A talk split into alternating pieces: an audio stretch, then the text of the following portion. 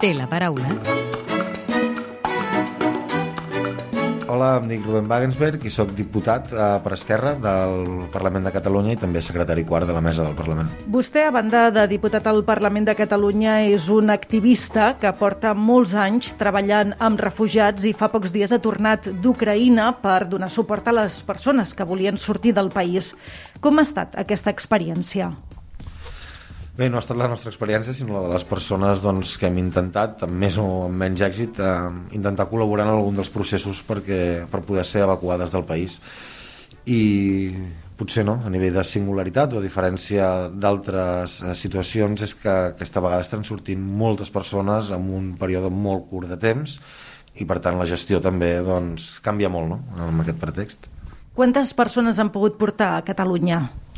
Hem treballat amb, amb diferents punts eh, dels, del seu procés de sortida. Eh, en alguns casos sí que l'acompanyament ha estat de l'inici fins al final, però en molts d'altres eh, ha estat en algun dels punts i per tant es pot fer incalculable, diguéssim, a, a, a l'abast total. En l'últim comboi, per exemple, això sí, baixàvem a 22 persones, si no recordo malament, amb familiars totes aquí a Catalunya. Van entrar a Ucraïna, els va ser fàcil? Ens va ser relativament senzill perquè, de fet, vam entrar el primer dia, el, el dia que va esclatar la guerra, però ens, conta, ens consta que no per tothom ha sigut eh, senzill. Van arribar a entrar a Kiev?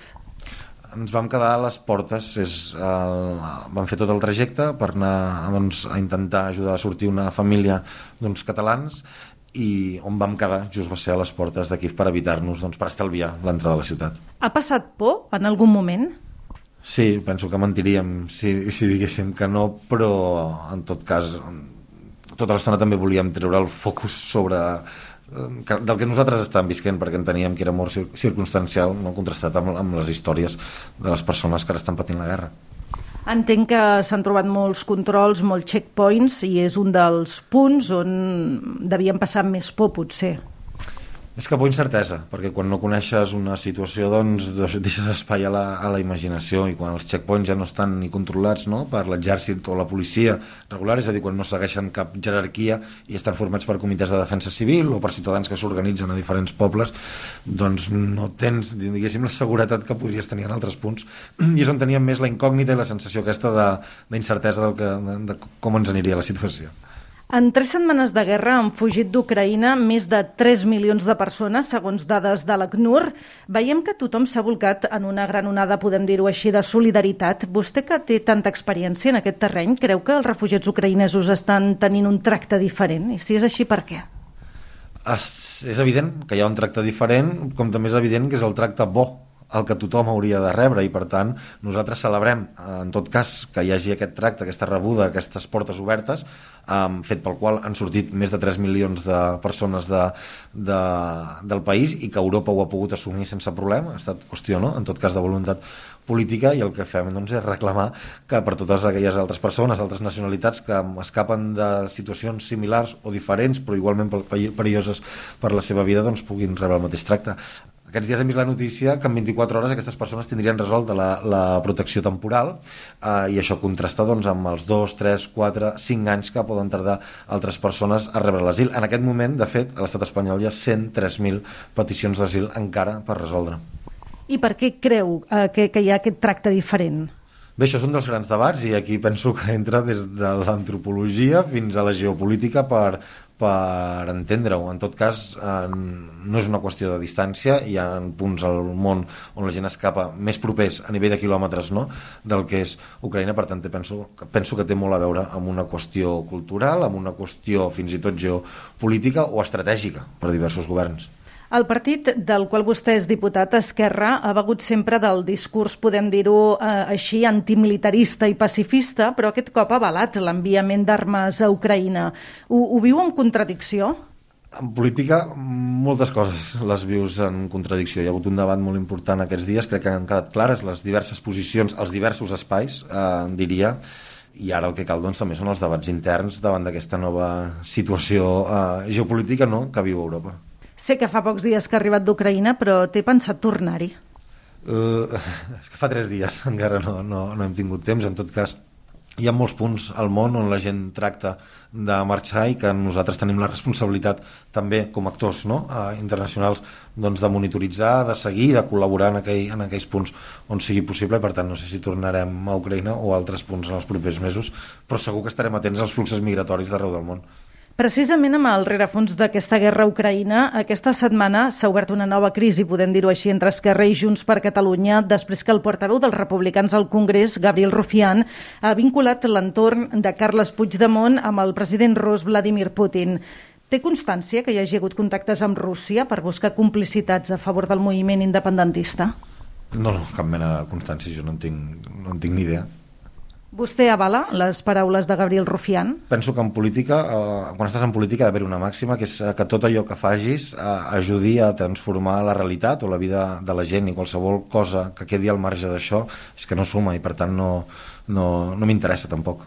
Per tant, pel que dedueixo de les seves paraules, entenc que està dient que les declaracions de Gabriel Rufián no, no sumen, no ajuden a l'independentisme? No, no, dic que no m'interessen declaracions al marge del que puguin ajudar a transformar la vida de les persones. Hi ha mogut molt debat aquestes setmanes, més enllà de les paraules, no? doncs de, de Gabriel Rufián, però és un debat al qual ni segueixo, però perquè és que ni m'interessa seguir-los. Aquests o tants d'altres, diguéssim. Abans de passar al qüestionari més personal, voldria fer-li una última pregunta sobre la situació judicial de la presidenta del Parlament, Laura Borràs. Aquesta setmana el Tribunal Superior de Justícia de Catalunya l'ha deixada un pas de judici per presumptes irregularitats quan dirigia la institució de les lletres catalanes. Li pregunto a vostè, que també forma part de la mesa del Parlament, si se l'haurà de suspendre com a diputada quan se li obri judici, tal com eh, assenyala el reglament de la cambra. Bé, penso d'entrada que encara no estem en aquest punt i com que encara no estem en aquest punt tampoc hem tingut el, el, el debat polític eh, necessari i a fons que haurem de tenir en el si de, doncs, de la nostra organització i quan sigui el moment i davant doncs, de, de tot el mapa que tinguem sobre la taula serà el moment de prendre decisions. Tots els grups de l'oposició creuen que s'ha d'aplicar l'article que demana suspendre-la com a diputada quan s'obri judici perquè consideren que està clar i que és un suposat cas de corrupció. Eh, no sé si vostè ho interpreta igual, aquest article del reglament. No, és que nosaltres encara no hem entrat fent la interpretació i es cauria doncs, amb, el que, amb, amb, amb el cas de la presidenta del Parlament i per tant quan ho tinguem debatut, perquè això si és de veritat és que no hem, no, no hem fet aquest debat doncs llavors en podrem parlar. Si li sembla bé, ens endinsem ara en el terreny més personal i li demano si pot contestar amb respostes al màxim de breu possibles. Per què va decidir fer el salt a la política com a diputat al Parlament? Perquè em van trucar des d'una presó i això doncs, vaig considerar que era un motiu més que suficient. Com se sent més satisfet? Amb la feina que fa dins del Parlament o a fora? És que la feina que es fa fora també és feina que es fa dins del Parlament. A vegades ens pensem que el Parlament no és el que passa en aquestes quatre parets i en realitat la feina del Parlament està més a fora d'aquestes quatre parets que, que dins. Quin diputat o diputada fitxaria per al seu grup? No, no voldria posar en compromís a ningú, però m'agrada molt les bromes que fa pel, pel WhatsApp, els stickers que envia el Lucas Ferro i per tant doncs, penso que ja seria un bon motiu per incorporar-lo. Té algun paisatge favorit? No, m'agraden tots. M'agrada des dels passatges més àrids fins a les selves, diguéssim. I per tant, en tot cas, el que crec és que els que vivim a ciutat anem faltats de paisatges, en general. Sap cuinar? M'agrada, però, clar, depèn a qui li preguntis, dirà que no en sé. I si ens convides a casa seva, què ens cuinaria? Uh, L'últim que vaig cuinar va ser un, un ceviche, un ceviche amb, amb, amb fruits secs, que queda molt bo. I ja per acabar, completi la frase següent. El que més m'agradaria del món és...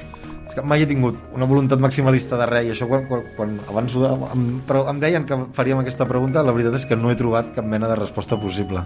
Rubén Wagensberg, diputat per Esquerra al Parlament, gràcies per atendre'ns a l'hemicicle de Catalunya Informació.